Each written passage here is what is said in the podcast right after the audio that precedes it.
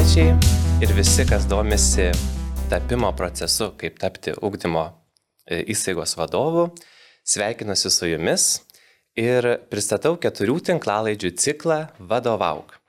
E, yra numatomos keturios tinklalaidės. Pirmoji apie motivaciją, kodėlgi žmonės renkasi tapti vadovais. Antroji tinklalaidė yra apie reikalavimus, apie kompetencijų vertinimą, kuris neretai dar yra didysis baubas. E, trečioji tinklalaidė yra apie konkursą, ko tikisi savivaldybės iš vadovų.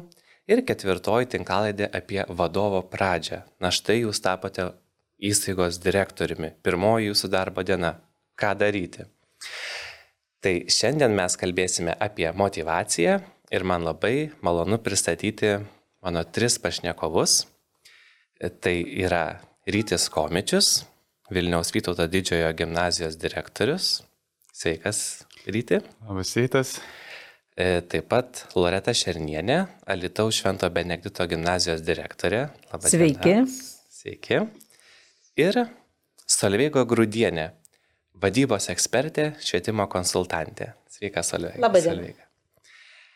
Taigi, truputėlį susipažinsime, mm, galbūt ne apie švietimą, apskritai, kas jums rūpi, kaip ilsitės. Tai gal ryte nuo jūsų pradėsim. Žinau, kad baigėte tris magistrus. Tuo jau baigsit ketvirtą. Paraleliai ir doktorantūros studijos. Koks Iš tikrųjų, jūs, taip, taip. Koks jūsų hobis, kaip jūs ilsitės, ar net neturite tokio? Iš tikrųjų, tai turiu aš ir visus hobius, ir laisvalaikį. Man atrodo, kai turi daug laikų, išmoksti labai laiką planuotis ir dėliotis. Tai aš be galo mėgstu skaityti knygas. Ir tikrai, gal čia kai kam pasirodės, kad direktoriai skaito tik profesinę literatūrą, tai tikrai ne. Mėgstu, mėgstu science fiction, mokslinę visokią fantastiką, paskaitau ir apie demonus, ir distopinę literatūrą, labai įdomu žinoma ir mm, pasiskaitau tos tokios vertingos, vertybiškai knygos. Tai sakykime, viena iš tokių, kuri mane labai sukrėtė ir buvau vienas iš tų, kuris ne vieną ašarą nuleido, tai Mažas gyvenimas knyga. Tai skaitimas vienareikšmiškai. Kita dalis gal irgi čia keistai atrodys, bet aš esu buvęs šokėjas, tai man viskas, kas su judesiu, su sportu, su šokiu, su muzika, tai yra tiesiog mano erdvė ir mano oazė, pabėgti gal ir nuo, nuo, nuo realybės. A, keliauju, labai daug keliauju per savo jau netrumpą gyvenimą, nors kai kurie kolegos čia sako, Jėzau, kokių daug jaunų yra. Daugiau nei, nei 50 šalių aplankiau, esu backpackeris, galiu miegoti ant soliuko, prabangiam viešbutį arba tiesiog, tiesiog su krūva kitų žmonių. Ir, ir mėgstu mokytis, tai yra vienas iš mano hobių. Tai jeigu tik tais turiu galimybę kažką naujo sužinoti, tai aš būsiu ten. Tai sakykime, suderinti man tikrai pavyksta. E, o ryti, kaip dėl to suderinimo? Ar turite griežtą dienotvarkę, kažkokius ritualus, kurie padeda ištverti dieną? Na, kartais iš tikrųjų reikia ištverti dieną. E, žinot, aš turėjau labai gerus mokytojus, kurie mane išmokė, kaip griežtai savo pasakyti, kad viena veiklai pasibaigus yra kita tavo veikla. Tai aš vadovauju mokyklai nuo 7 iki 4, o toliau suprantu, kad yra ir kitos veiklos. Tai aš susidėliojęs gana griežtai esu. Žinoma, ne visą laiką pavyksta laikytis, bet, bet jau, jau tam tikras režimas yra, kad nuo tada iki tada, nuo tada iki tada. Gali atrodyti, kad gyveni mieste kaip žiūrkė, bėgdamas nuo vieno ratuko prie kito, bet man tikriausiai toks gyvenimo būdas tinka. Ačiū ryti. Na, žiūriu į Loretą. Jūs esate pasakiusi, kad esate reikli vadovė, tai o kaip jūsų polsis? Kaip nuo to reiklumo pailsite? Tiesiog esu reikli ne tik tai kitiems, bet ir savo. Ir polisis mano turbūt netoks įdomus kaip ryčio. Ir tiek daug gražių žodžių apie save pasakyti negalėčiau, bet tikrai aš jį turiu. Visų pirma, tai Polisis mano toksai daugiau lepinanti save, nes pareinu iš darbo ir visą laiką skiriu savo porą valandų tikrai polisiui, tai gali būti ir, ir rutininiai darbai namuose, kai galva mažiau dirba. E, kitas dalykas, turiu kiemą, kuriame kiekvienais metų laikais gali rasti kažkokį savo mėgstamą užsėmimą. O iš tų gražiųjų hobių taip pat mėgstu labai keliauti. Labai liūdna dabar, kai buvo sustojęs pasaulis ir teko riboti šitą pomėgį. Mėgstu skaityti knygas ir, ir kas gal vaikam atrodo atgyvena popierinės, nors jau nusipirkau ir skaitytuvą, kad pratinčiausi kelionėse nereikėtų daug vežtis makulatūros, kaip sako vaikai, o galėčiau save palepinti tuo, kad tai daryti paprasčiau. Aišku, viena, kad mano darbas yra mano hobis. Nes e, apie tokį darbą, apie mokytojo darbą aš galvojau nuo jaunų dienų ir aš gyvenu juo, tai mano ir polisis, tai mano ir laisvalaikis, ir tarp, taip pat ir darbas. Kai kas juokiasi, sako, kai darbas tampa hobiu, tai visą laiką yra atostogos. Nu tai, sakykime, aš atostogauju visą savo gyvenimą. Labai įdomu, Bet sakėt, kad nuo jaunystės jau galvojate apie švietimą. Kokia buvo jūsų vaikystė? Aš apie mokytojos profesiją pradėjau galvoti nuo devintos klasės. Nes tais laikais dar buvo pedagoginis institutas, kuris jau ruoždavo būsimus pedagogus, leisdavo stoti į tokias neakivaizines studijas, e, kai gaudavom užduotis, e, per atostogas atvažiuodavom atsiskaityti, ieškodavom, kurdavom taip pat ne tik tai šiais laikais, kad kūrybiškumas ugdomas. Ir tada mano buvo pirmas noras išbandyti save tose studijose. Aš jas sėkmingai baigiau dar būdama mokyklos suolė ir savotiškai pasitikrinau, ar teisingai aš galvoju, koks mokytojos darbas laukia. Nors man mokytojas prie lentos visą laiką buvo kažkas tai dieviško. Atrodė, kad jis net negyvena tokio gyvenimo kaip eilinis žmogus. Tai buvo tada aišku. Šiandien jau supratimas kitas, tačiau niekada nesigailėjau pasirinkų savo kelią. Ačiū. Na ir mūsų trečioji pašnekovė Solveiga. Na, viską išvardinti, kiek jūs prisidėjot prie švietimo, tai būtų sunku, bet e, projektas lyderių laikas, projektas renkuosi mokyti. 2011 e, metais kompetencijų vertinimo metodikos kūrimo darbo grupė jūs ten taip pat buvote. E, koks velnės nešė į švietimą? e, tiesiog daug metų dirbant vadybos konsultacijų srity versle, verslo klientai, kurie inicijavo Lietuvoje projektą Renkosi mokyti, pakvietė prie jo prisijungti.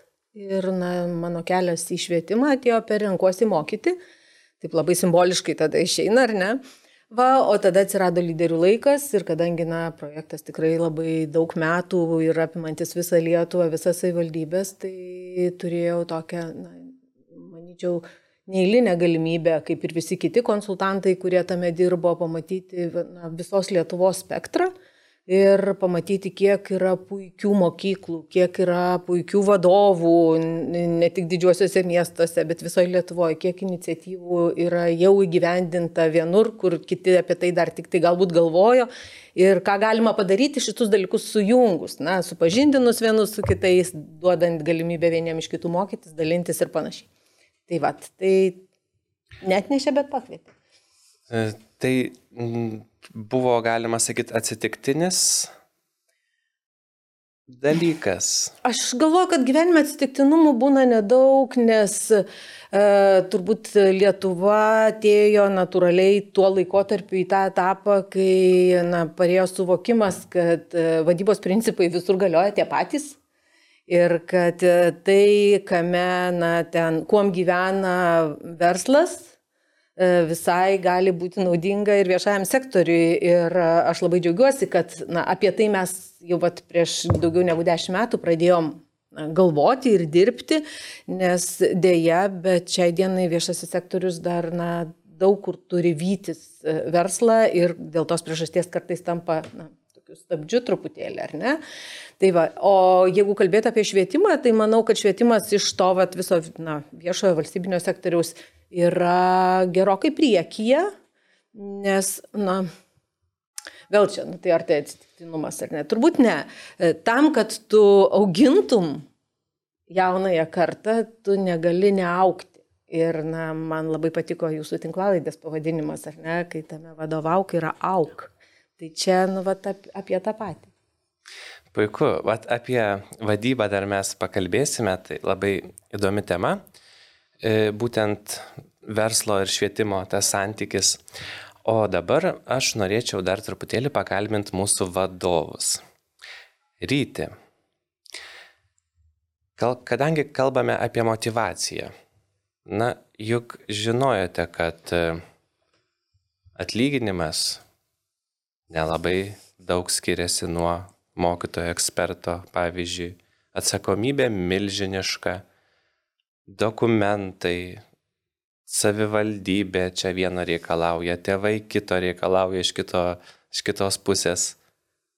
Kodėl Kodėl kas? Kodėl jie reikalauja? Ne, kodėl jūs pasiryžote tapti švietimo įstaigos vadovu, kai yra tokia demotivacija? Aš tai žinot, nematau čia tos demotivacijos kažkokios, vieni mato, kiti nemato. Aš galvoju, kadangi tikrai siuntėt tokį klausimą, tai galvoju, kaip čia dabar reiks atsakyti. Vienas iš atsakymų, tai žinokit, prisisvajojau Nes prieš kokius dešimt metų aš atsimenu tokį laikotarpį, kai aš prieš miegą mėgdavau svajoti ir svajodavau apie a, privačią mokyklą, kuri būtų nereali, didelis pastatas miesto centre. Tada joje patys geriausi Lietuvos mokytojai ir mokiniai visi, absoliučiai, ne, nesvarbu, ten geri ar negeri. Ir visi laimingi toje mokykloje. Čia buvo mano svajonių mokykla ir aš kurdavau ten tokius pakvaišusius planus. Tai galėčiau sakyti, matyt, mano svajonė čia išsipildė taip. O iš tikrųjų, kitas momentas, tai aš neplanavau, aš buvau pavaduotojas ir man labai patiko dirbti tą darbą, kurį aš dirbau. Ir tada nutiko taip, kad po vienos kelionės su, su mokiniais, po trijų valandų miego, aš atvykstu į mokyklą ir su tokia mintim, kad jau gausiu bart, nes ten vaiko teisės kažką pasiskundė, o aš prieš išvažiuodamas nesutvarkiau. Ir mano vadovė tuo metinė vaikščiojo koridoriais ir taip pažvairuodavo į kabinetą ir galvo, nu, ruoškis. Ir jinai taip įeina, klausia, kaip kelionė, o žiūri visiškai neįdomu, kokia ta, ta mano kelionė buvo. Ir jinai sako, klausyk, sako, kol tu buvai išvykęs, paskelbė konkursą. Aš į jį nekandidatuosiu. Jeigu tau šita mokykla iš tikrųjų rūpi ir tai nėra tavo poza, tu kandidatuosi. Nu, tai vad taip gavau tokį ant jaunų pečių, sakykime, svorį ir tam tikrą atitrukimą turėjau turėti nuo, nuo, nuo to, ką, ką veikiau. Iš tikrųjų, tai mane pasirinko mano bendruomenė. Aš netryškau mm, vadovauti, aš dar galvojau, kad tikrai dar esu per jaunas, man dar patirties kažkokios ir vis kažkokia tokia mintis, kad tu dar, dar nepriaugęs tam. Ir Mm, žinot, taip prisimenu, kai laimėjau konkursą savivaldybei, su, su, konkuravau su kitais tikrai vadovais, stipriais. Ir viena iš konkurso, e, konkurso komisijos narių, kuri bendruomenės narė pasikvietė kavos ir aš taip supratau, kad viskas sufabrikuota ir atvažiuoju pavėlavęs į mokyklą, o ten visi susirinkę su gėlėm, su plojimais, aš dargi ne vadovas, bet tiesiog laimėjau konkursą. Ir žinot, tada taip supranti, kad mm, tu nesi kažkoks įstatytinis, tu nesi kažkoks formalus vadovas, tu esi pasirinktas žmogus vesti bendruomenę. Tai man tas labai stipru ir man pačiam kaip žmogui yra svarbu. Ir aš noriu vesti šitą bendruomenę. Manau, kad Lietuvoje yra daug vadovų, kurie irgi atėjo panašiu keliu. Nuostabu, tai vat, mes čia ir kalbam ne apie vadovavimą tikriausiai, apie lyderystę, kai tave. Aš, aš pakoreguočiau, žinot, tarnystę. Girdėjau apie šitą jūsų žodį tarnystė. Tai yra e, tokia tarnaujanti lyderystė, tai čia viskas tame. Taip, taip. Iš tikrųjų. O kaip pavaduotojų tapote? Juk tai irgi vadybinė pozicija, bet mes bandom išsiaiškinti, kaip vat, paprastas mokytas švietimėtis gali užlipti. Nu, tak. Daug kas žinoma priklauso nuo pačios organizacijos vidaus, nuo to, ar tavyje mato potencialą, ar sudaro galimybės kleistis. Aš džiaugiuosi, kad mano bendruomenė mane matė tame. Mano iš vis kelionė mokykloje yra tokia, žinot, kai sako, jeigu nori tapti baro vadovu, tai turi nuo šiukšlininko pradėti. Tai aš tikrai pradėjau nuo pačių mažiausių tokių darbelių ir keliavau vis aukščiau, aukščiau, kur man vis labiau atveriamos galimybės buvo. Tai taip priejau ir iki pavaduotojo. Mane iš tikrųjų prisivėliojo atgal, aš buvau išvykęs iš Lietuvos, buvau projekte Tailandė, kūrėm šio laikišką mokyklą metus laiko ir sakiau, jau nebegrįšiu, nes pavargau nuo visų veiklų. Bet man tai pradėjo rašinėti ir skambinėti visi, sako, mums reikia tavęs grįžti, ir aš toks vėl reikalingas pasijutau ir grįžau. Ir, ir buvo konkursas, sąžiningas, tvarkingas, su, su komisija tapau pavaduotoju, atsakingu už, už pačias smagiausias veiklas. Neformalusis ūkdymas, projektai ir, ir, ir visa kita. Tai aš manau, jeigu taip sakyt, jeigu tau tikrai patinka dirbti mokykloje, jeigu tu jauti, kad tai iš, iš pašaukimo, Tai tiesiog reikia rodyti daug iniciatyvų. Ir ne, kartais net ne, nelaukt, kol tau kažkas pasiūlys. Tiesiog daryk. Ar ne, žiūrėk, ko bendruomeniai tuo metu reikia. Reikia vaikams tokio dalyko, gali tą daryti, nu daryk. Niekas nesako, kad ten šimtų procentų turi būti gerai padaryta, bet bandyk daryti. Tada tavyje pamatys irgi nu, elementariai kompetencijas tam tikras, kurias tu dar gali augintis. Iš tikrųjų, taip. E, labai įdomus sakyčiau, atvejais, kai e, tiesiog bendruomenė pasitikė ir, ir, ir taip užaugam, gal mes įpratę, kad kažkas ateina iš viršaus, bet tikriausiai pasaulis keičiasi. Loreta, kaip jūs tapote vadovė? Tai buvo tikriausiai anksčiau nei rytis. Anksčiau, bet ne taip ir anksti. Todėl, kad mano kelias buvo taip pat savotiškai panašus į ryčio, bet visiškai skirtingas. Aš į vadovo poziciją atėjau iš mokytojos. Aš virš 20 metų pradėščiau mokiniams, išleidau septynias laidas savo auklėtinių, kuo nepaprastai šiandien džiaugiuosi, nes jie šiandien dar yra su manimi. Ir virtualiai, ir gyvai, kai grįžta į elitų. Bet esmė tokia, kad aš išaugau turbūt, kaip žmonės sako, marškinėlius mokytojo pozicijoje. Tapau mokytojo ekspertė, užaugau iki jos, parašiau 14 vadovėlių iki to laiko, kol e, bandžiau jau eiti į konkursą, pirmiausiai įsilaikiau kompetencijas, kaip sakau, vat, šiandien prisiminiau primumese būtent ir kaip tą visą dieną praleidau su tom jaunom mergaitėm ir stebėjausi viduje, kaip jos čia mane pamatos ir man tikrai pavyko iš pirmo karto. Ir aš tiesiog niekam tyliai nesakius, pasėmiau laisvą dieną vieną, e, pateikusi e, prašymą ir išvažiavau tų kompetencijų pasimatuoti. Ir kai aš gavau atsakymą teigiamą, aš labai apsidžiaugiau, aišku, pasitikėjimas labai stipriai išaugo savo jėgomis. O kodėl aš tai dariau? Todėl, kad turėjau viziją mokyklos, švelniai pasakysiu, truputį kitokios, negu kurioje dirbau. Ir ta vizija mane buvo užvaldžiusi jau eilę metų. Ir kai atsirado galimybė vat, būtent ateiti kaip tuo keliu, kuris daugam labai nepatinka, tai man buvo būtent ta vienintelė galimybė išbandyti save kitoj pozicijoje. Ir aš gavau tą galimybę, aš ją išnaudojau, išnaudojau sėkmingai. Iš karto, aišku, atėjo supratimas, kad Loreta sustok truputį, nesidžiaug, kad tam, kad vadovauti mokyklai, neužtenka vien tik kompetencijų teigiamo įvertinimo, reikia dar visko daug, daug. Aš turėjau labai labai gerų ištikimų draugų, nuoširdžių vadovų, su kuriais labai konsultavausi. Ir padaviau prašymą į konkursą vadovauti nedideliai viduriniai mokyklai, kuri buvo tais metais numatyta jau tos rajono, taryb, net ne savo rajone, tarybos, kad jinai taps pagrindinė mokykla.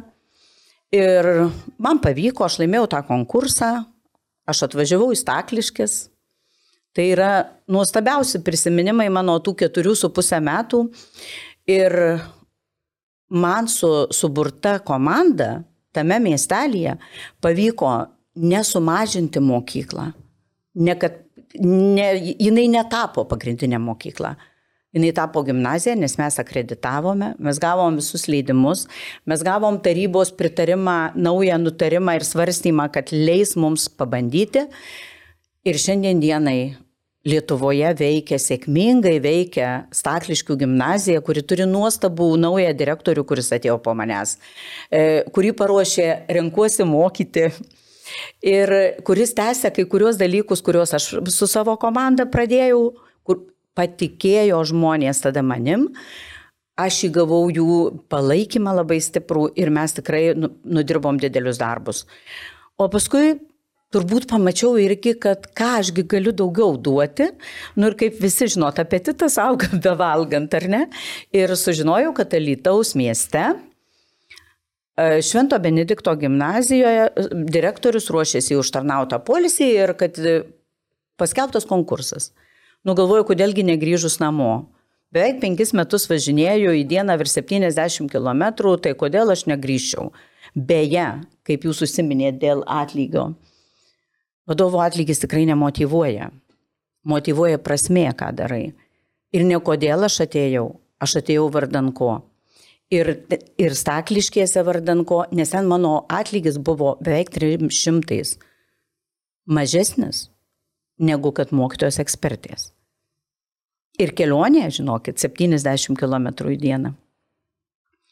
Tai šita vieta tiem, kurie eina į konkursus ir nori tapti direktoriais, Jeigu turit idėją, tai tikrai jūsų kelias. Jokie sunkumai nebaisus, nes kai yra noras, padarai viską. Kadangi aš ne anglistė, bet aš je parle français, tai prancūzai sako, yra tokia patarlė, vouloir c'est pouvoir. Tai norėti, tai galėti, tai viską padarai. Nu, o tada jau Švento Benedikto gimnazija ir štai baigiantis ketvirtiems metams mes gimnazijoje su bendruomenė bendrom didelėm jėgom sutelktom akreditavom dvi tarptautinio bakalaureato programas MIPO ir diplomo. Tai manau irgi tai tas rezultatas, kuris pasiektas per ypatingai trumpą laiką.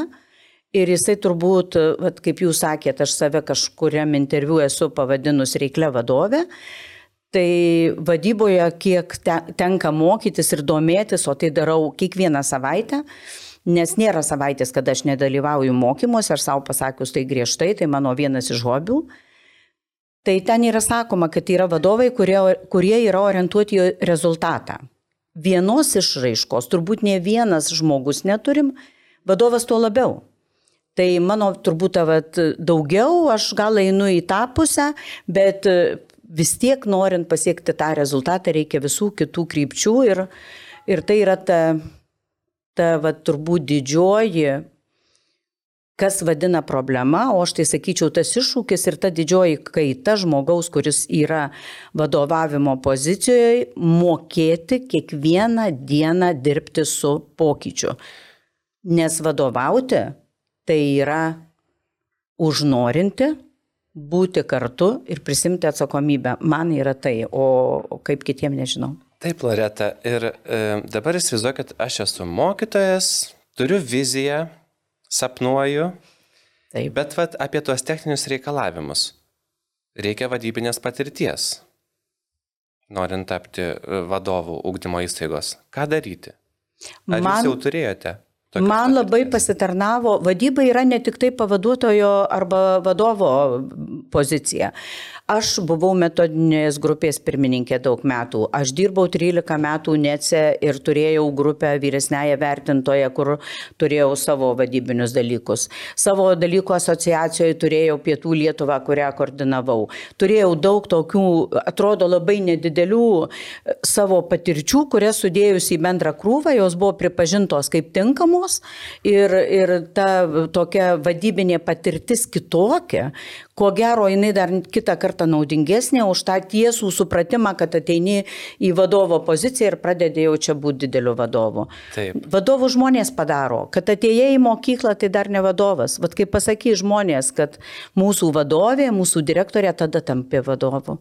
Puiku, iš tikrųjų labai geras pavyzdys, kad e, yra daugybė kitų veiklų švietime, kur tu irgi gali gauti tos vadybinės patirties, ir ne tik vadybinės apskritai, ir, ir tada jau visą atiduoti patirtį vienai mokyklai vadovaujant. Kaip apie tą valdybą, Solveiga? E, užsiminėt, kad e, vadybos dėsniai visur yra vienodi. Ar kai tas verslas atėjo į švietimą, ar pastebėjot kažkokią specifiką švietime? Taip. Tai e, pirm, pirma specifika buvo tokia šmaikšti, nes buvo toks jausmas, kad aš nesu, nemoku lietuvių kalbos. Ta prasme, terminologija, na, ten savokos, leksikonas ir kai kurie kiti dalykai švietimo bendruomenėje šiek tiek skiriasi nuo, na, vat, nuo, nuo ten tos aplinkos, kurioje buvau pratusi dirbti.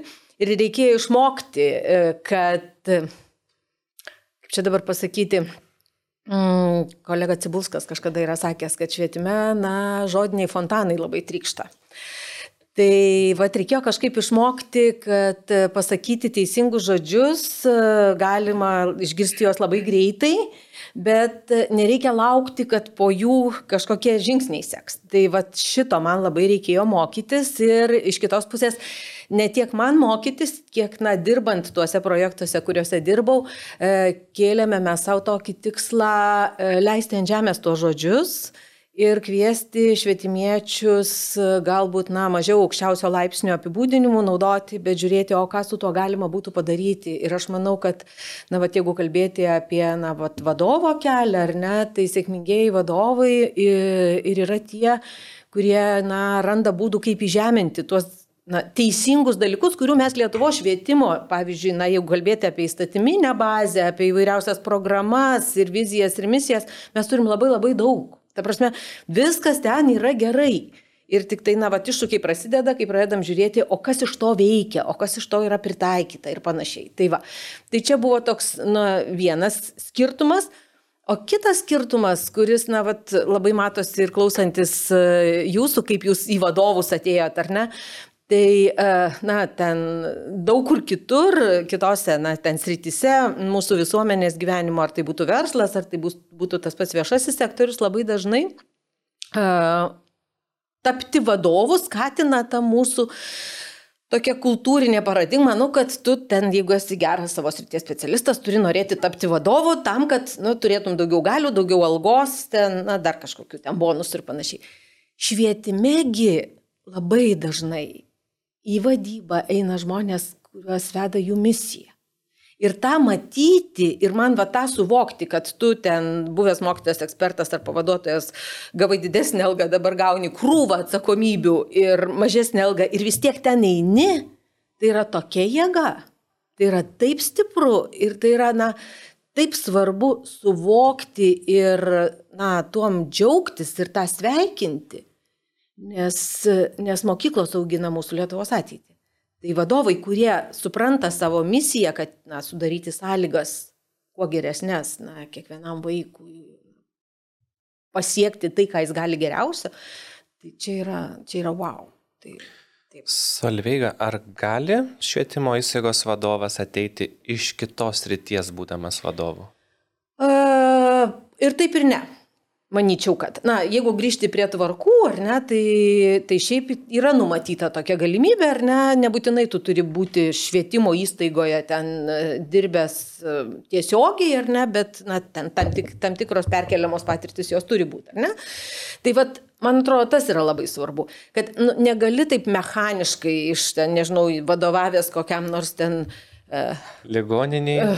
Na, ligoninė dar, dar čia yra panašu, bet, na, nežinau, kokie nors prekybiniai kompanijai, ar ne, mhm. staiga iššokti į, į, į, į ūkdymo įstaigą ir galvoti, kad visi tie patys dėsniai galios. Dalis dėsnių galios, Nes, na, ten, pavyzdžiui, jeigu kalbėti apie ypač pastaraisiais metais, kai reikia čia srautus valdyti ir visokius kitokius procesus užtikrinti, tai procesų suvokimas yra na, labai svarbi kompetencija vadovui.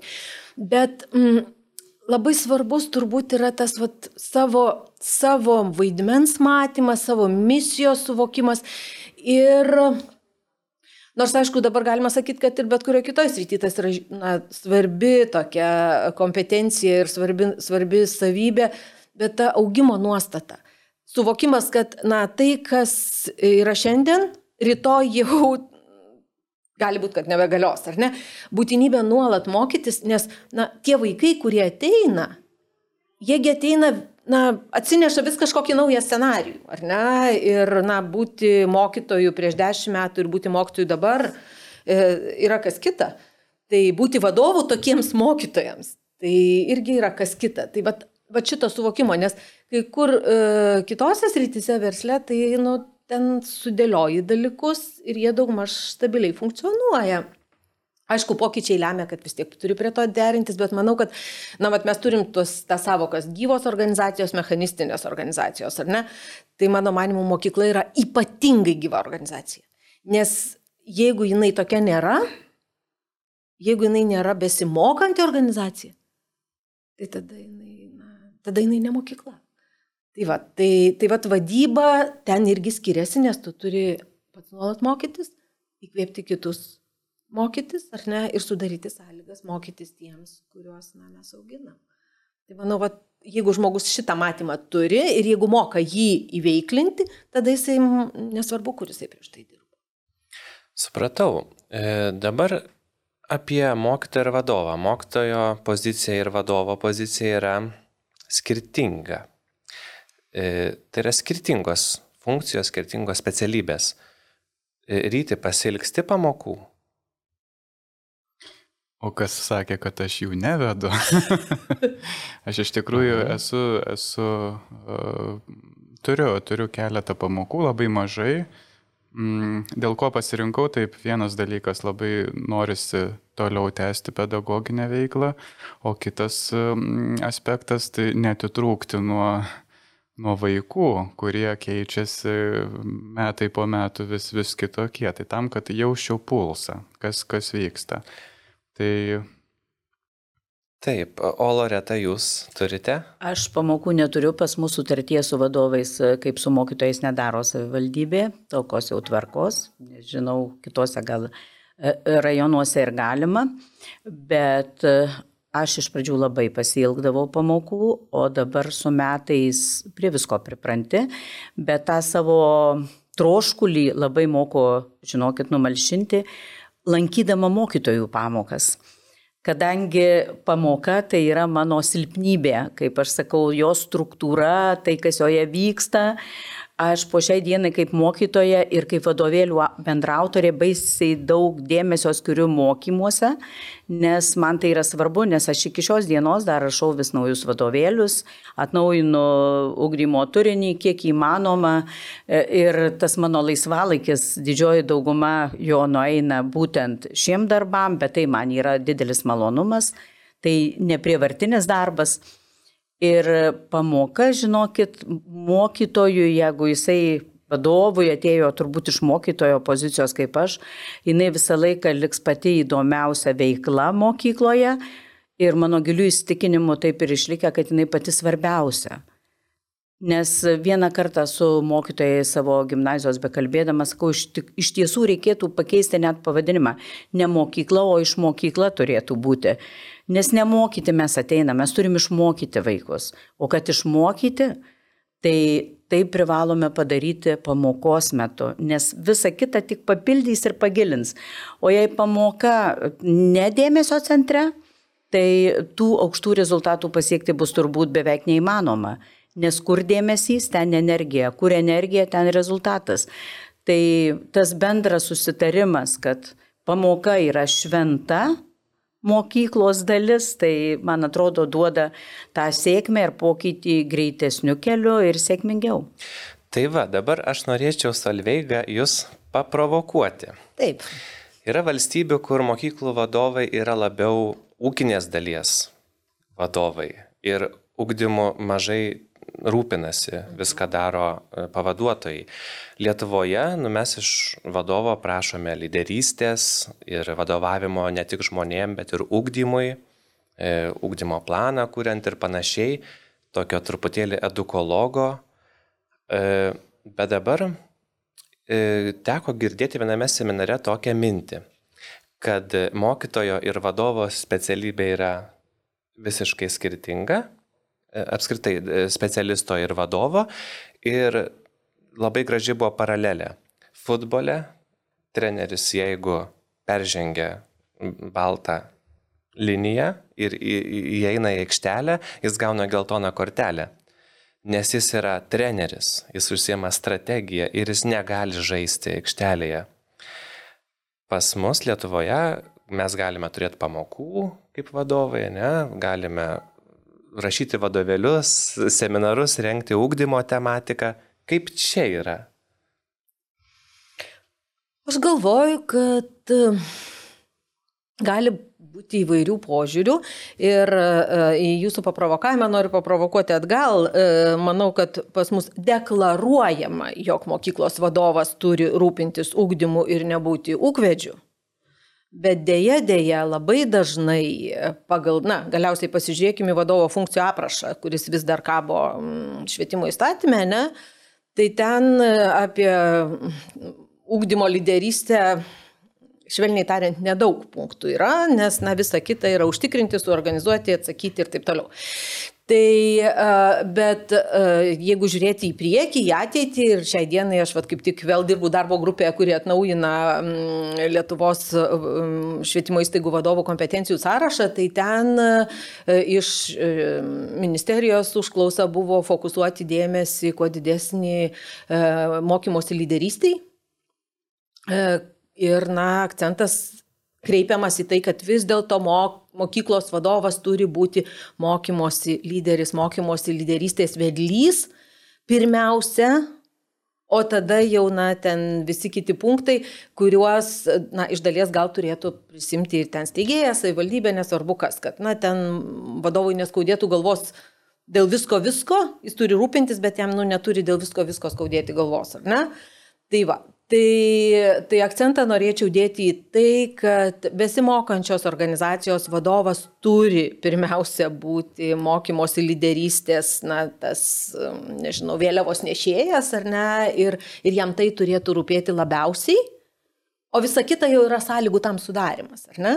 Tai va, dabar tada iš to išplaukiant galvočiau, kad kiekvienas vadovas, mokymosi lyderis gali atrasti savo kelią. Ar jam lengviau tą lyderystės raišką užtikrinti tada, kai jisai pabūna klasėje ir jaučia pulsą ir na, remiasi ir savo patirtim. Ir aš čia daryčiau prielaidą, kad jeigu jisai patapo mokyklos vadovu, tai ko gero jisai sugebės atskirti ir reflektuoti. Nu, dabar aš čia klasėje ar ne, o dabar aš čia su mokytojais, o dabar aš galvoju apie strategiją ir panašiai. Nes nieko nėra blogiau kaip e, vadovai, kurie yra atšokę nuo realybės ir, nu, va, tik tais žodiniais fontanais vadovaujasi. Tai, nu, galvočiau, kad didesnė blogybė yra atotrukis, o atotrukį Lietuvo švietime mes turim gana daug, ar ne? negu, na, vat, bandymas, kaip čia, visą tą spektrą apimti. Tai aš labai sveikinčiau tą visiškai nesvarbu, stebint pamokas, vedant pamokas, dalyvaujant projektuose ar kažkur, bet vadovų buvimą kartu su na, tais švietimo sistemos dalyviais, už kuriuos jie atsako ir kuriems jie sudaro sąlygas. Tai, tai čia labai, man atrodo, yra svarbus toks. Čia vat mes grįžtam prie tos tarnaujančios lyderystės, ar ne? Prie to, kad aš na, ten rūpinosi, kaip sudaryti sąlygas, nes žinau, kas tai yra. Pats esu tą patyręs. Ir daugiausiai žinau, ko reikia ne, mokytojams daryti sąlygas. Ir šitoje vietoje aš turiu klausimą, nedresuotą konkrečiai vienam žmogui, bet gal kas nors turės minčių. E, mes prašome iš vadovo, kad jis būtų, mokyklos vadovo, kad jis būtų lyderis vestų bendruomenę, bet tuo pačiu užkraunam jį lentelėm, buhalteriją, ūkinę dalimi, e, neleidžiam jam dalyvauti metodinėje taryboje, mokyklos taryboje, ne? bet tu turi būti įsitraukęs ir būti lyderis. Kaip tą spręsti arba kaip e, su tuo susigyventi? Manau, kad gera komanda Turėti gerą pavaduotoją ūkiui tai yra didelė vertybė. Ir tau belieka tik tai generuoti idėjas ir parnešti iš kolegų tai, ko reikia mums ir kas mums labiausiai tiktų. Ir tada žmogus, kuris už tai atsakingas dirba tą darbą. Aš asmeniškai savo gimnazijoje tikrai turiu tokią komandą ir dėl, kaip kažkada labai gerbiamas žmogus, e, Gražvydas Kazakevičius sakė, nenusileiskim vadovai iki plintuso, tai visą laiką prisimenu jo tą paraginimą ir stengiuosi tikrai nesirūpinti plintusais, dažais ir visų kitų, nes tam yra tam tikri žmonės, kurie, kurie dirba čia. Dėl kitų dalykų, pagalbos specialistų, pavyzdžiui, aš irgi negaliu būti ir psichologė, ir vadovė, ir viskas. Yra komanda, jeigu ten tikrai dirba žmonės, kurie suvokia, ką daro ir kurie labai lojalūs gimnazijos tikslams, eina jie tada keliu koja kojant su tuo, tų tikslų įgyvendinimu. Nes vienas vadovas visur nesuspės ir vienas žmogus į daug, daug dalelių nesusiplėšys. Mano kaip vadovo, pavyzdžiui, nuomonė, gimnazijos didelės, Alitui didžiausios gimnazijos, bet kokiu atveju, tai komandos turėjimas, stiprios komandos, tai yra pats tvirčiausias vadovavimo pagrindas, vadovavimo ta gerąją prasme, kad kiekvienas dirba savo darbą. Ir paskui komunikuoja tarpusavyje. Ir paskui tarpusavyje aš neturiu įsivedus tokias, tokias valandas pusryčiai su gimnazijos mokinių tėvais, kiekvieną mėnesį aš juos vedu koncentrais, netgi tėvus įtraukiame, ką jie mato, kaip jie įsivaizduoja, kaip čia turėtų būti. E, pakol kas tėvai matymus mums atneša, labai tikiu, kad ateityje ateis dar ir į pagalbą, nors jau yra keletas atvejų, kai padėjo net ir erdvės sutvarkyti ir atnaujinti. Taip kad jeigu prisima atsakomybę visi tie, kurie lojalūs gimnazijos pokyčiui, tikslams, tada, manau, sprendžiasi kitos problemos. Kol nepatikės tuo, kad einame teisingai, turbūt tol to ėjimo stipraus nebus. Nes kelias, sako, bijo einančių.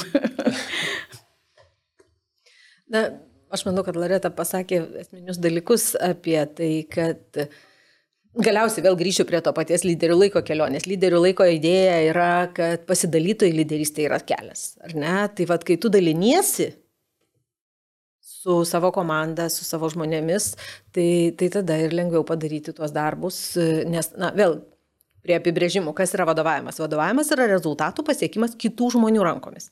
Kas yra lyderystė? Lyderystė tai yra gebėjimas įkvėpti kitus, na, tam bendram tikslui, ar ne? Tai jeigu į šitus dalykus susifokusuoji, tai natūralu, kad turėtų likti šiek tiek daugiau laisvų rankų. Dabar ar mes sudarome Lietuvoje pakankamas sąlygas, na, tom laisvesniam rankom, ar mes už tai vertinam vadovus, ar mes tai matuojam, tai čia, na, labai daug kas priklauso nuo steigėjų, nuo konkrečios savivaldybės ir, ir, ir panašiai, ir turim ir gerųjų pavyzdžių, ir turim ir dėja netokių gerų pavyzdžių, dėl kurių, ko gero, dalis žmonių ir nesiryšta bandyti tapti vadovais. Tai va, sąlygų sudarimas tai lyderystės raiškai irgi yra labai svarbus veiksnys. Aš dabar galvoju, man irgi reikia kažką pasakyti, ar ne? Nebūtinai. kai, kai iš tikrųjų labai daug svarbių tokių dalykų buvo pasakyta. Aš žinot, irgi galvoju, mm, nauji vadovai, kai, kai eina, jie gal galvoja, kad jiems čia labai daug reikės visko imti ir daryti. Tikriausiai pirma pamoka, kurią išmoksti, tai deleguoti.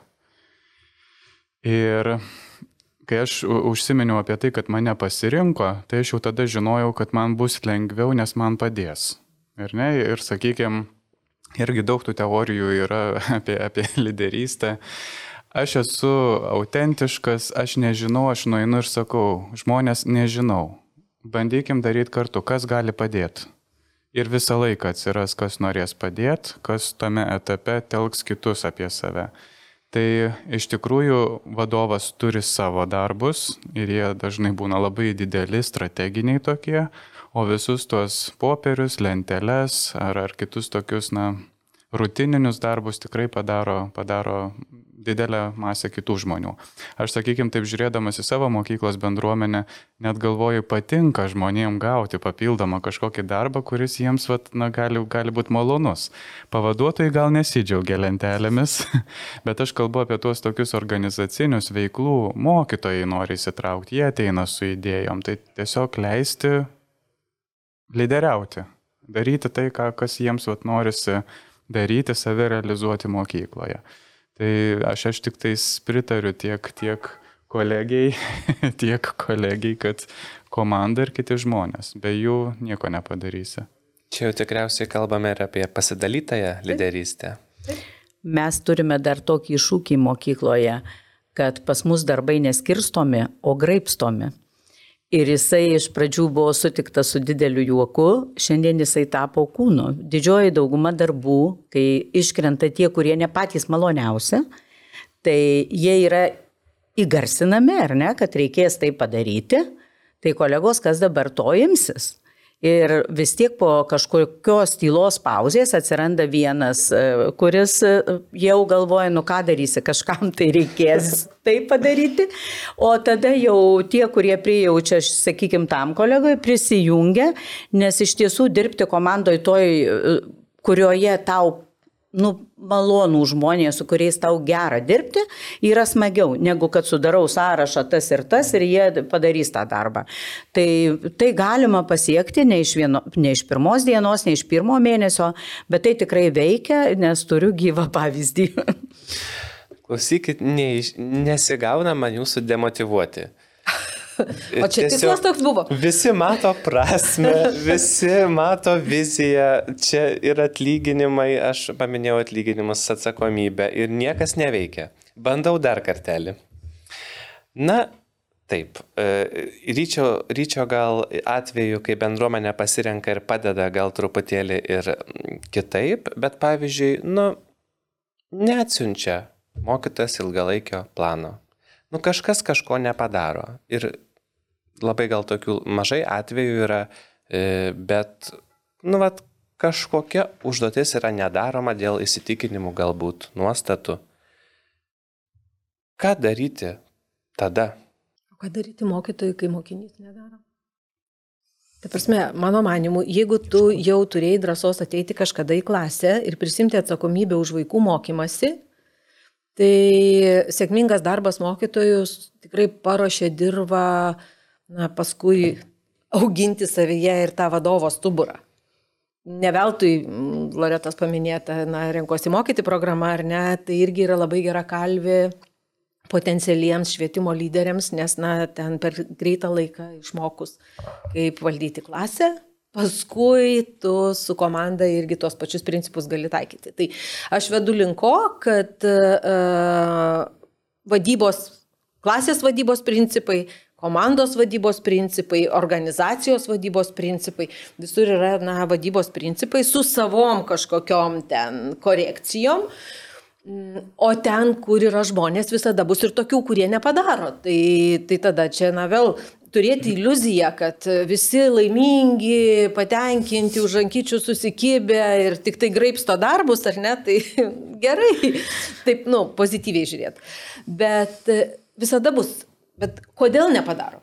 Ar nesupranta, ar nepavyko, ar nespėjo. Na, tai yra laikas dalintis darbais, yra laikas žiūrėti, kaip sekasi juos daryti, yra laikas aptarinėti, kaip nesiseka jų daryti ir yra laikas, na, suteikti pagalbą, jeigu reikia, arba, na, tartis iš naujo. Nes, na, vargu ar mes rasime e, daug žmonių, kurie atėję į darbą iš anksto turi iš ankstinę nuostatą būsiu blogas darbuotojas. Gi nėra taip, ar ne? Jie tampa neproduktyviais nu, dėl kažkokių aplinkybių. Taip kaip ir su mokiniais yra, ne? Nu, tai jie, jie, jiems nesiseka, nes tai mano manimu čia dėsniai tie patys. Aš tai sakykime irgi čia galėčiau paantrinti Solveigai. Uh, Mes mūsų mokykloje dabar įgyvendinam lien kokybės valdymo sistemą ir ten labai tokio įdomaus japoniško požiūrio atneša. Tai iš tikrųjų labai dažnai galvojame, jeigu kažkas kažko nepadarbė ar neįvykdė, ar problema atsirado, tai kaltas žmogus tas kažkoks. Bet iš tikrųjų kaltas yra metodas arba procesas. Aš sakykime, jeigu kažkas neįvyksta, pirmiausia savo, savo užduodu klausimą, ar aš kaip vadovas sukūriau procesą taip, kad tam žmogui būtų patogu ir, ir jis galėtų fiziškai tvarkingai atlikti tuos darbus. Jeigu ne, tai yra mano atsakomybė ir aš dėl to žmogaus kažkaip užkrauti ant jo pykti ar, ar, ar dar kažkaip negaliu. Ką aš, sakykime, dažnai tokiais atvejais darau, aš matau, jeigu yra problema, nueinu, pasižiūriu, pasikalbu, tada grįžtu pagalvoju, dar kartą pasikalbu su žmogumi ir pasidalinam irgi atsakomybėm. Jeigu tai mano buvo, tai mes priemam sprendimą, kaip, kaip kitą kartą galėtumėm daryti kitaip ir ką šiuo atveju reikėtų daryti. Sakykime, jeigu dėl planų, tai man toksai, nežinau, aš, aš galbūt taip lankščiau žiūriu. Man atrodo, tas teminis e, planas tai yra mokytojai planas veiklos. Ar čia jį pristatys man šiandien ar, ar po savaitės, iš esmės nieko nepakeis. Bet žinoma, yra tokių darbų, kur labai svarbus darbai. Ir, ir tu ten, tarkim, vat, bakalaureatą mes irgi dabar stengiamės įgyvendinti ir žinom, iki kada kas privalo būti ir negali ten anksčiau ar vėliau. Tai tada tu ir sudėlioji procesą tokį, kad kitiems žmonėms būtų a, pagalba juo keliauti.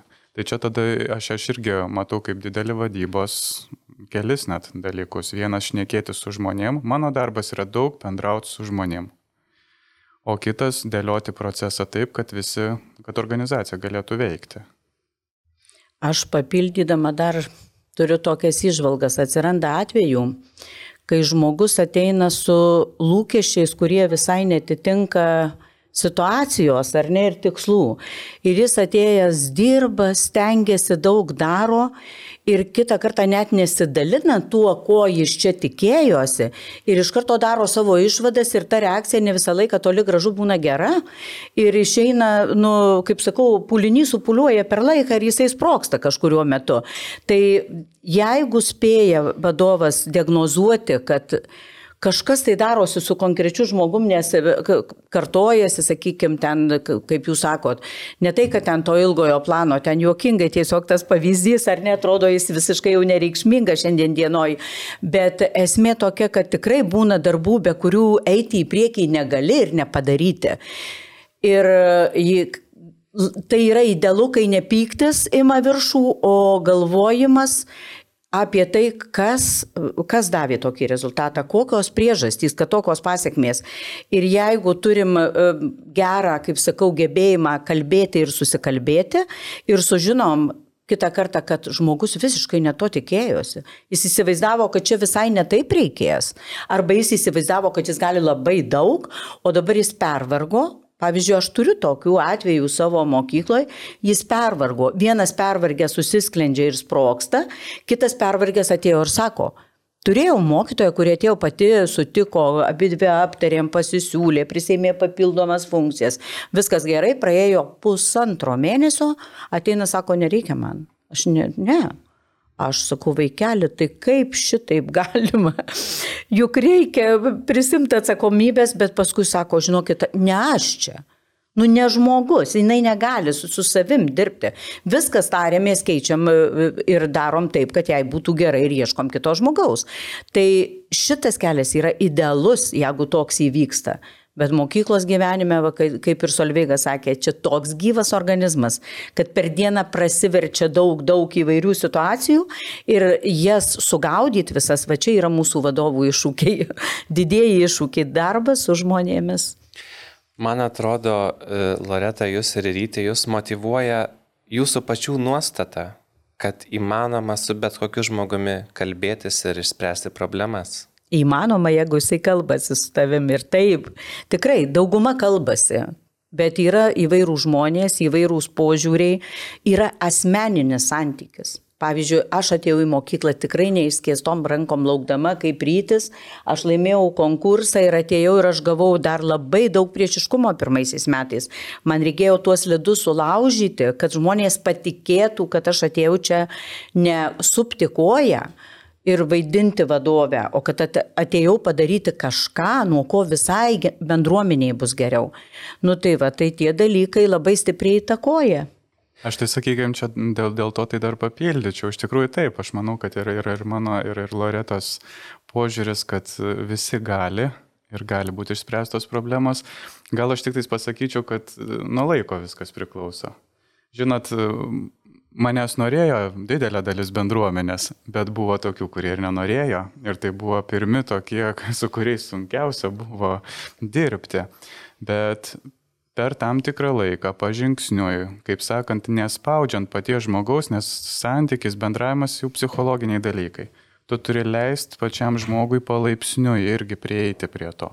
Tai jeigu vadovas turi kantrybės, gali laikyti, e, na, tarkim, tam laikui tiek skirti laiko, tai žmonės, žinokit, pasikeičia. Jie atsiveria, jie tampa wow kokiais. Ir sakykime, man pats įdomiausias tikriausiai darbas ir yra dirbti su tais, su kuriais nenori niekas dirbti. Nes ką aš sužinau tada, aš sužinau visas problemas mokyklos, aš sužinau, kas neveikia, aš sužinau, kas yra blogi, kodėl taip yra. Ir dar ką sužinau, sužinau, kad yra ir potencialių sprendimų galimų. Ir man kaip vadovai tiesiog reikia įsiklausyti ir pasižiūrėti, o iš tikrųjų tas žmogus tiesą sako. Aš nematau to dalyko, nes kiti galbūt man net nepasako to. Tai aš einu visą laiką ten, kur, kur Į karštus taškus. Į karštus taškus, išeinu kartais toks šlapės, prakaitavusiam pažastim, bet su daug uh, geros medžiagos, su kuria aš galiu po to dirbti. Ir tada, žinai, uh, aš manau, kad ir mokytojas pradeda galvoti, aha, mane išgirdo. Galiu dar kartą sakyti. Aš nežinau, ar aš labai noriu, kad man taip kas kart sakytų, bet tokiu būdu aš galiu tobulinti mokyklą ir, ir gerinti kolektyvę dalykus. Tai, nu, tą norėjau pasakyti, kad, kad per laiką atsi, atsigliaudėjo žmonės tie, kurie, kurie uždari. O tie, kurie ne savo vietoje, jų, jų visur yra. Tai man atrodo, irgi turi padėti žmogui irgi suprast, kad, na, na galbūt ne tavo šitas kelias yra. Ir tai tu kitur. Galima padaryti tik bendraujant. Taip. Taip, viskas, jeigu dialogo nėra, nevyksta niekas. Juk visi visko padaryti negali, bet kiekvienas gali padaryti kažką. Čia yra pats svarbiausias dalykas tą kažką, bet ne mes vieni tie visažiniai, kurie galim pamatyti plikakim. Ir be dialogo tikrai niekas nevyksta. Kita kartą žmogus įsivaizduoja, kad jis to nori ir kad mes jau žinom, kad jis to nori, ar ne? Arba kad jis tai geba ir, ir galėtų tai, ir mes turim žinoti, nu, bet va čia viskas ateina, kaip Rytis sako, per laiką, per santykį ir, ir jisai yra tikrai labai galingas mūsų darbe. Aš dar čia vieną tokį, žinot, labai magą pasakyti. Aš kai dirbau Tailandė ir mokiau anglų kalbos, dirbau su tokiais mažiukais, mažiukais vietiniais vaikais. Ir vienintelis baltavodis kaime atvažiuoja ant motorolerio, toksai. Ir ten buvo toks vienas berniukas, kuris visą laiką taip prieidavo ir taip žiūri į mane pakeltom akim ir man už rankos ir liečia. Aš tai suprantu, kad nu, dėl to, kad aš baltaodis. Bet tas jo žvilgsnis į mane kaip į kokį dievą. Ir žinot, ką aš pamačiau, kai aš tapau direktorium, kad kai kurie ir čia taip žiūri. Ir tada, ką aš irgi supratau, kad manyje yra ta gale. Aš galiu per pokalbį per pabendravimą nuo širdų, per pasakymą labas, kaip tau sekasi, padaryti tą tokį efektą. Ir ne, o tada žmogus tikrai ir pats pakilėtas ir nori toliau daryti. Tai aš nustebau, kad net suaugę žmonės gali šitaip žiūrėti, tu kaip vadovas gali juos įkvėpti.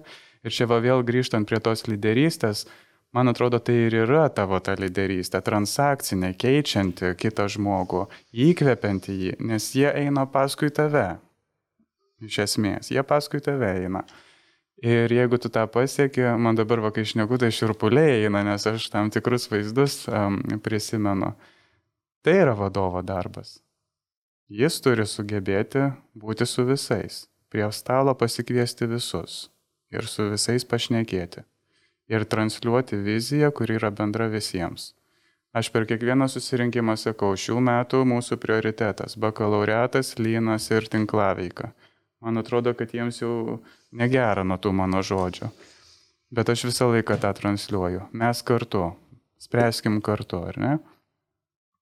Nu, vat, pasidalinau. nu, po vieną tokių dalykų ir padaryti neįmanoma. Ne, ne. Neįmanoma. Salveiga, jūs konsultuodavot ir tikriausiai konsultuojat įstaigų vadovus švietimo. Taip. Ką jie jums sako? Apie ką? Apie kokios jų problemos, kodėl juos reikia konsultuoti. Gal kažkokiu apibendrinimu galėtumėt? Na, klausimų kyla labai įvairių ir tai gali būti susijęs su kažkokiu sudėtingu situacijų kolektyvė valdymu. Tai gali būti susijęs su darbuotojų motivacijos, na, ten iššūkiais. Pastaruoju metu mes daug dirbam su komandom ir su vadovais apie perdėgymą, nes nepaslaptis, kad virš 70 procentų švietimo darbuotojų yra, na, taip, susidūrę su perdėgymu, o trečdalis na, ir dirba perdegę, ar ne, tai kaip atpažinti tuos signalus, ką su tuo daryti ir na, kaip užbėgti už akių ir panašiai. Tai čia yra tas toks, na, kaip ir kasdienio gyvenimo valdymas, ar ne? Tai jeigu taip apibendrintai, man labai patinka Hargreaveso ir Fulano tas trikampis profesinio kapitalo. Tai aš galiu taip pasakyti, kad, na, konsultuoti tenka apie profesinio kapitalo auginimą. O kas tai yra? Tai yra žmonės, e, jų motivacija, jų kompetencija, jų nuostatos, na ir, ir tiesiog jų buvimas, ar ne, nu, bet žmonės. Tai yra santykiai, ryšiai ir susitarimai kas tarp mūsų vyksta, kaip mes bendraujame, kaip aš kaip vadovas, kaip mano komanda, na, kokios taisyklės galioja, kokių reikia, kokios paseno ir nebeveikia, na, ten nuotolis vėl įnešė naujų taisyklių ir taip toliau. Ir trečia dedamoji yra sprendimai ir veiksmai. Tai ką daryti, o ko nedaryti, ką pradėti daryti, ką nustoti daryti ir panašiai. Ir tas darbas vyksta labai įvairiom formom. Tai yra ir individualios konsultacijos. Tai gali būti konsultacijos kažkokių projektų rėmose, pavyzdžiui, na, vad surinkosi mokyti programos mokyklomis, kurios yra na, pokyčių įgyvendintojas, ar ne, tai mes ieškom būdų, kaip mokyklose įgyvendinti kažkokias naujoves, kurios būtų, na, vardant kiekvieno vaiko, artintų tą, tą mokyklos, na, kažkokią bendrą veiklą, ar tai būtų individualizavimas, ar tai būtų kokie nors ten grįžtamieji ryšiai, na, labai įvairūs tie gali būti konkretūs sprendimai, kurių e, įgyvendinimui vadovams reikia išorės konsultanto arba kaip žmogaus, kuris atneša koncentruotą žinojimą iš darbo su kitom ūkdymo įstaigom, arba kaip e, kritiško to na, draugo, sakykime, ar ne, kuris užduoda nepatogius klausimus. Nes e, tam tikrą prasme mokyklos vadovas yra vienišas. Mm, komanda ne visada drys užduoti nepatogius klausimus, na, išskyrus tuos, kur jau ten, kaip čia pasakyti, su pačiu žmogum labai kažkaip susiję.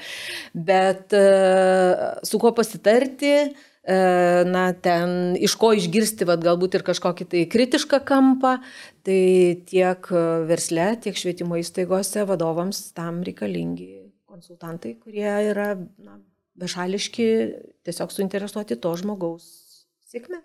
Nes bendruomenė nepasiguosi visai gali, kitos ne, problemos. Gali pasiguosti, bet iki tam tikros ribos. Na, pavyzdžiui, o jeigu vadovas nerimauja dėl kažkokių sprendimų, ar ne, tai tu turi labai filtruoti. Ar tu gali į komandą pareiti su ten dideliu nerimu, kai ir taip visi yra daugmaž ant ribos. Ne? Tai tu kaip tik tada turi galvoti, kokią atsvarą aš galiu įduoti, kad to žmonės truputėlį nuraminti ir sakyti, na kažkaip susikaupsim, pakvepuokim, išspręsim. Ne? Aš dar nežinau kaip, bet žinau, kad išspręsim. Bet parėjęs pats su savim, tu gali, na, ten, nežinau, ką daryti toliau. Ir, ir tam ir reikia tartis. Taip.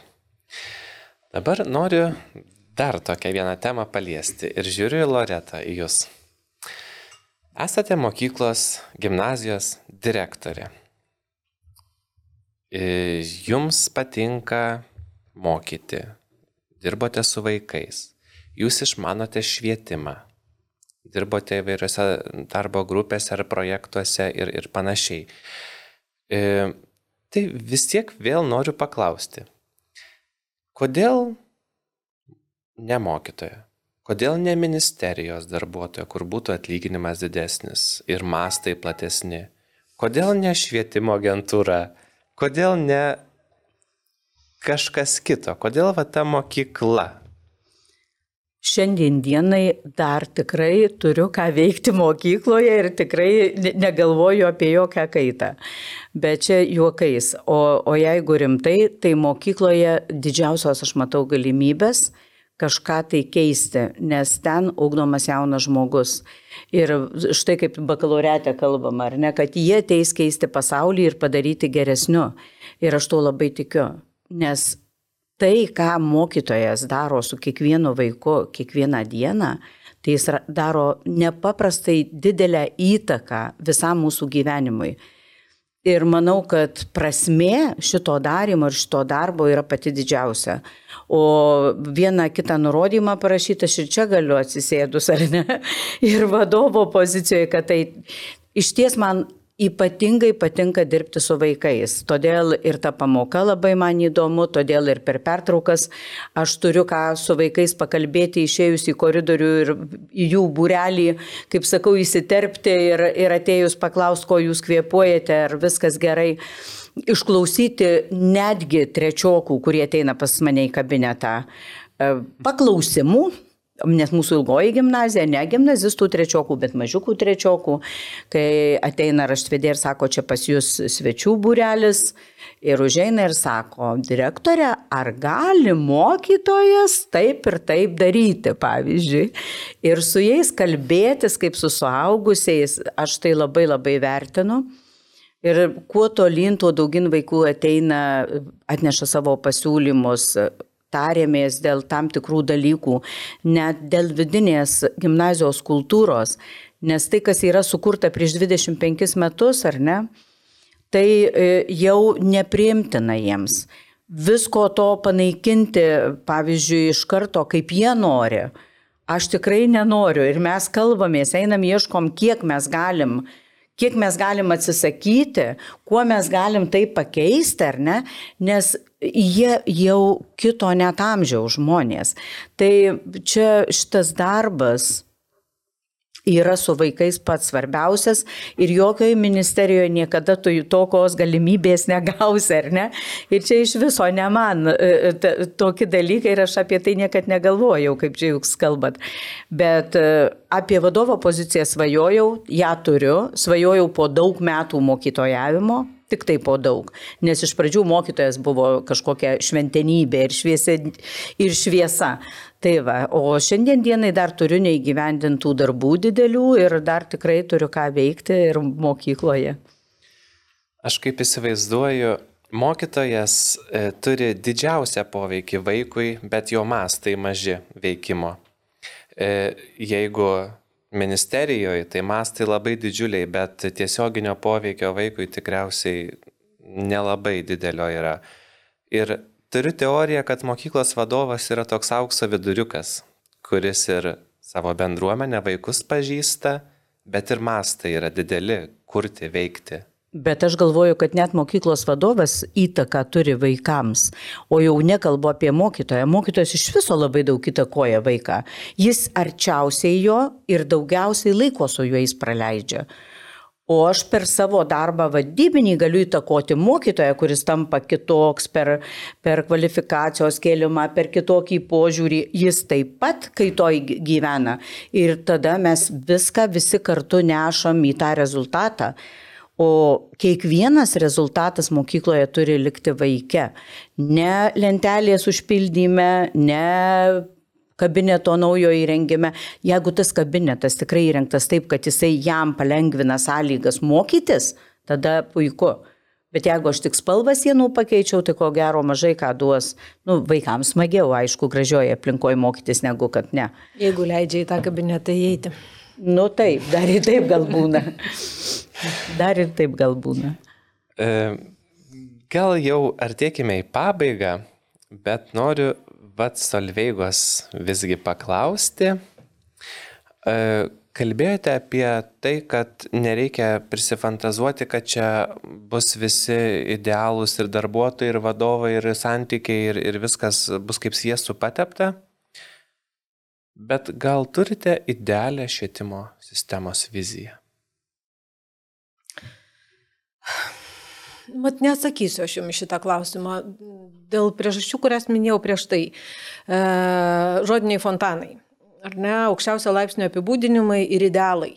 Mes prisipešiam tų idealų, prisirašom juos apibūdinančių žodžių ir paskui nebežinom, kaip link to prisikasti, kaip į tai na, ateiti. E, čia kaip tik prieš savaitę klausiau uh, tinklalaidės, kur kalbėjo Marina Vildžiūnenė ir Vileišio progymnazijos vadovė, pamiršau vardą. Mhm.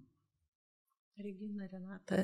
Nu, bet, Rita. Rita. Nu, dabar nepasakysiu vardu, bet, bet jinai labai gražiai kalbėjo apie tai, kad nu, nuleiskim ant žemės tuos žodžius ir pasižiūrėkim, ar jie prigyja, ar jie įleidžia šaknis. Tai vad aš galvoju, kad jeigu mes koncentruotume savo dėmesį į paieškas veiksmingos švietimo sistemos, efektyvios, veiksmingos švietimo sistemos, tos, kuri va, tikrai daro poveikį kiekvienam vaikui, ar ne? Ir šiai dienai mes tarėmės dėl to, kas mums atrodo būtų veiksminga. Mes kalbame apie įtraukų jūgdymą, mes kalbame apie tinklaveiką, mes kalbame apie bendradarbiavimą, mes kalbame apie ten, na, va, tą pačią pasidalytąją lyderystę, mes kalbame apie 21 amžiaus kompetencijų, e, na, svarbą ir fokusą į tuos dalykus. Tai vad, e, aš galvoju, kad e, veiksminga švietimo sistema, ko gero, ir būtų tokia, kurioje visi jos dalyviai suprastų va, tų žodžių praktinę prasme ir na, dedikuotų savo laiką ir energiją tam. Na, jūs labai gražiai pasakėt, kur dėmesys, ten energija, kur energija, ten poveikis, ar ne? Tai va, jeigu mes susitarsim, kad Lietuvoje, kurioje, na, gyventojų skaičius mažėja, kurioje mažėja vaikų, kiekvienas vaikas yra svarbus ir mes, na, va, dabar į tai ir fokusuojame savo dėmesį ir pastangas. Tai tada reiškia, mokytojas galvos, kaip tą kiekvienumą man pažinti ir kaip padėti tam kiekvienam vaikui.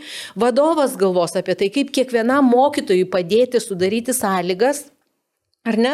Kaip, na, visą bendruomenę, įskaitant tėvus, pagalbos specialistus, na, apjungti vardant to ir, ir tada, na, mes matysim kažkokią tai pažangą, kurią pasimatuojam, pasidžiaugiam už tai, kas pasisekė, na, pakoreguojam tai, kas nes, nesiseka, kaip rytis sakėt, ar ne, su, susitikau su žmogum, kuris nepadarė, kas buvo sutarta ir galvoju, ar čia aš, ar čia, na, ten e, sistema ar, ar procesas. Tai vad toks nuolatinis mokymasis, judant link aiškiai susiformuluoto tikslo, su stotelėmis pareflektuoti Ir, ir aš manau, daugiau nieko nereikia. Nesakau, idėjiniam lygiai mes labai visus dalykus turim. Iš tikrųjų, ir tarptautinės organizacijos giria mus už idėjinį lygmenį, už dokumentus, už tikslus, tačiau kai kalbam apie gyvendinimą, tonas kitoks. Tai ačiū labai Salveiga už šią išvalgą. Gal dar kažką Kas nors nori pasakyti, ar jau prisikalbėjom? Aš tai galvoju, nu, vat, norėčiau dar pasakyti, kadangi vis tiek mūsų šios tinklalaidės tikslas kaip ir yra mm, na, pradėti tą na, vat, kelių stotelių kelionę, paskatinant e, būsimus Lietuvos švietimo įstaigų vadovus, pamatyti savyje tą na, vat, potencialą, kad o gal aš, ar ne? Tai va, aš ir norėčiau pakviesti mokytojus, pavaduotojus, švietimo pagalbos specialistus, e, neformalaus ūkdymo sistemos veikėjus, kurie, na, ten dirba įvairiose neformalaus ūkdymo įstaigose ir vadovauja projektam. Patikėkit savim. Paklauskit savęs, o kodėl ne aš? Nes tai yra toks nežinau kaip pavadinti, nu turbūt niekur kitur nėra tiek daug gražos atiduodantis darbas, na, kai pajausti, kad tu vadovauji komandai, kuri augina Lietuvos ateitį. Tai kažkaip, nu, man atrodo, kad, nu, reikia tiesiog patikėti savim ir pabandyti. O mm, ar tai būtų naša, ar tai būtų ministerija, ar tai būtų mentorystės programos savivaldybėse, E, na, yra tų žingsnių, kurie nukreipti į pagalbą naujiesiems vadovams, kad jie tame kelyje kuo greičiau jaustųsi, kad jie yra veiksmingi, efektyvūs ir, ir, ir galintis daryti tą poveikį, kurio reikia. Tai. Ir bendrai labai smagu, kad jau atsisukote į vadovus, nes e, per tą dešimt metų, kaip aš vadovauju, kaip jūs sakėte, jūs turbūt labai seniai, tai va toj sukaks dešimt metų, tai labai retai kas paklausia, kaip tu gyveni. Dažniausiai paklausia, kaip mokytojai gyvena.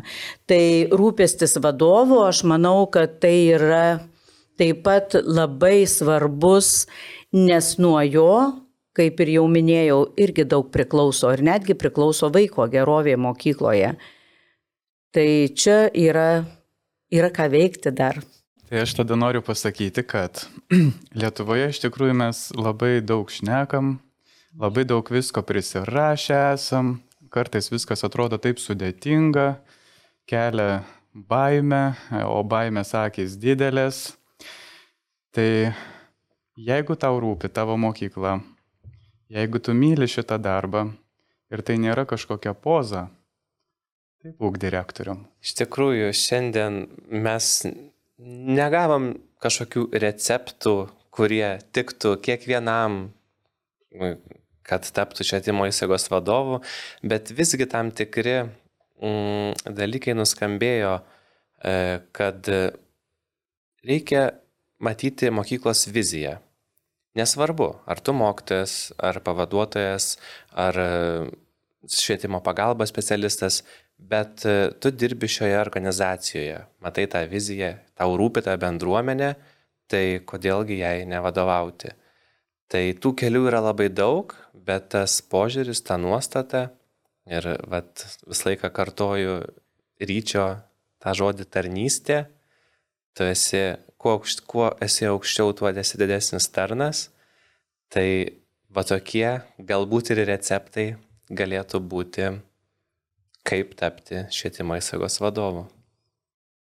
Ačiū Jums, ačiū Salveiga, ačiū Ryti, ačiū Loreta ačiū. už savo laiką ir patirtį. Iki kitų kartų. Vardantos Lietuvos. Tikrai taip.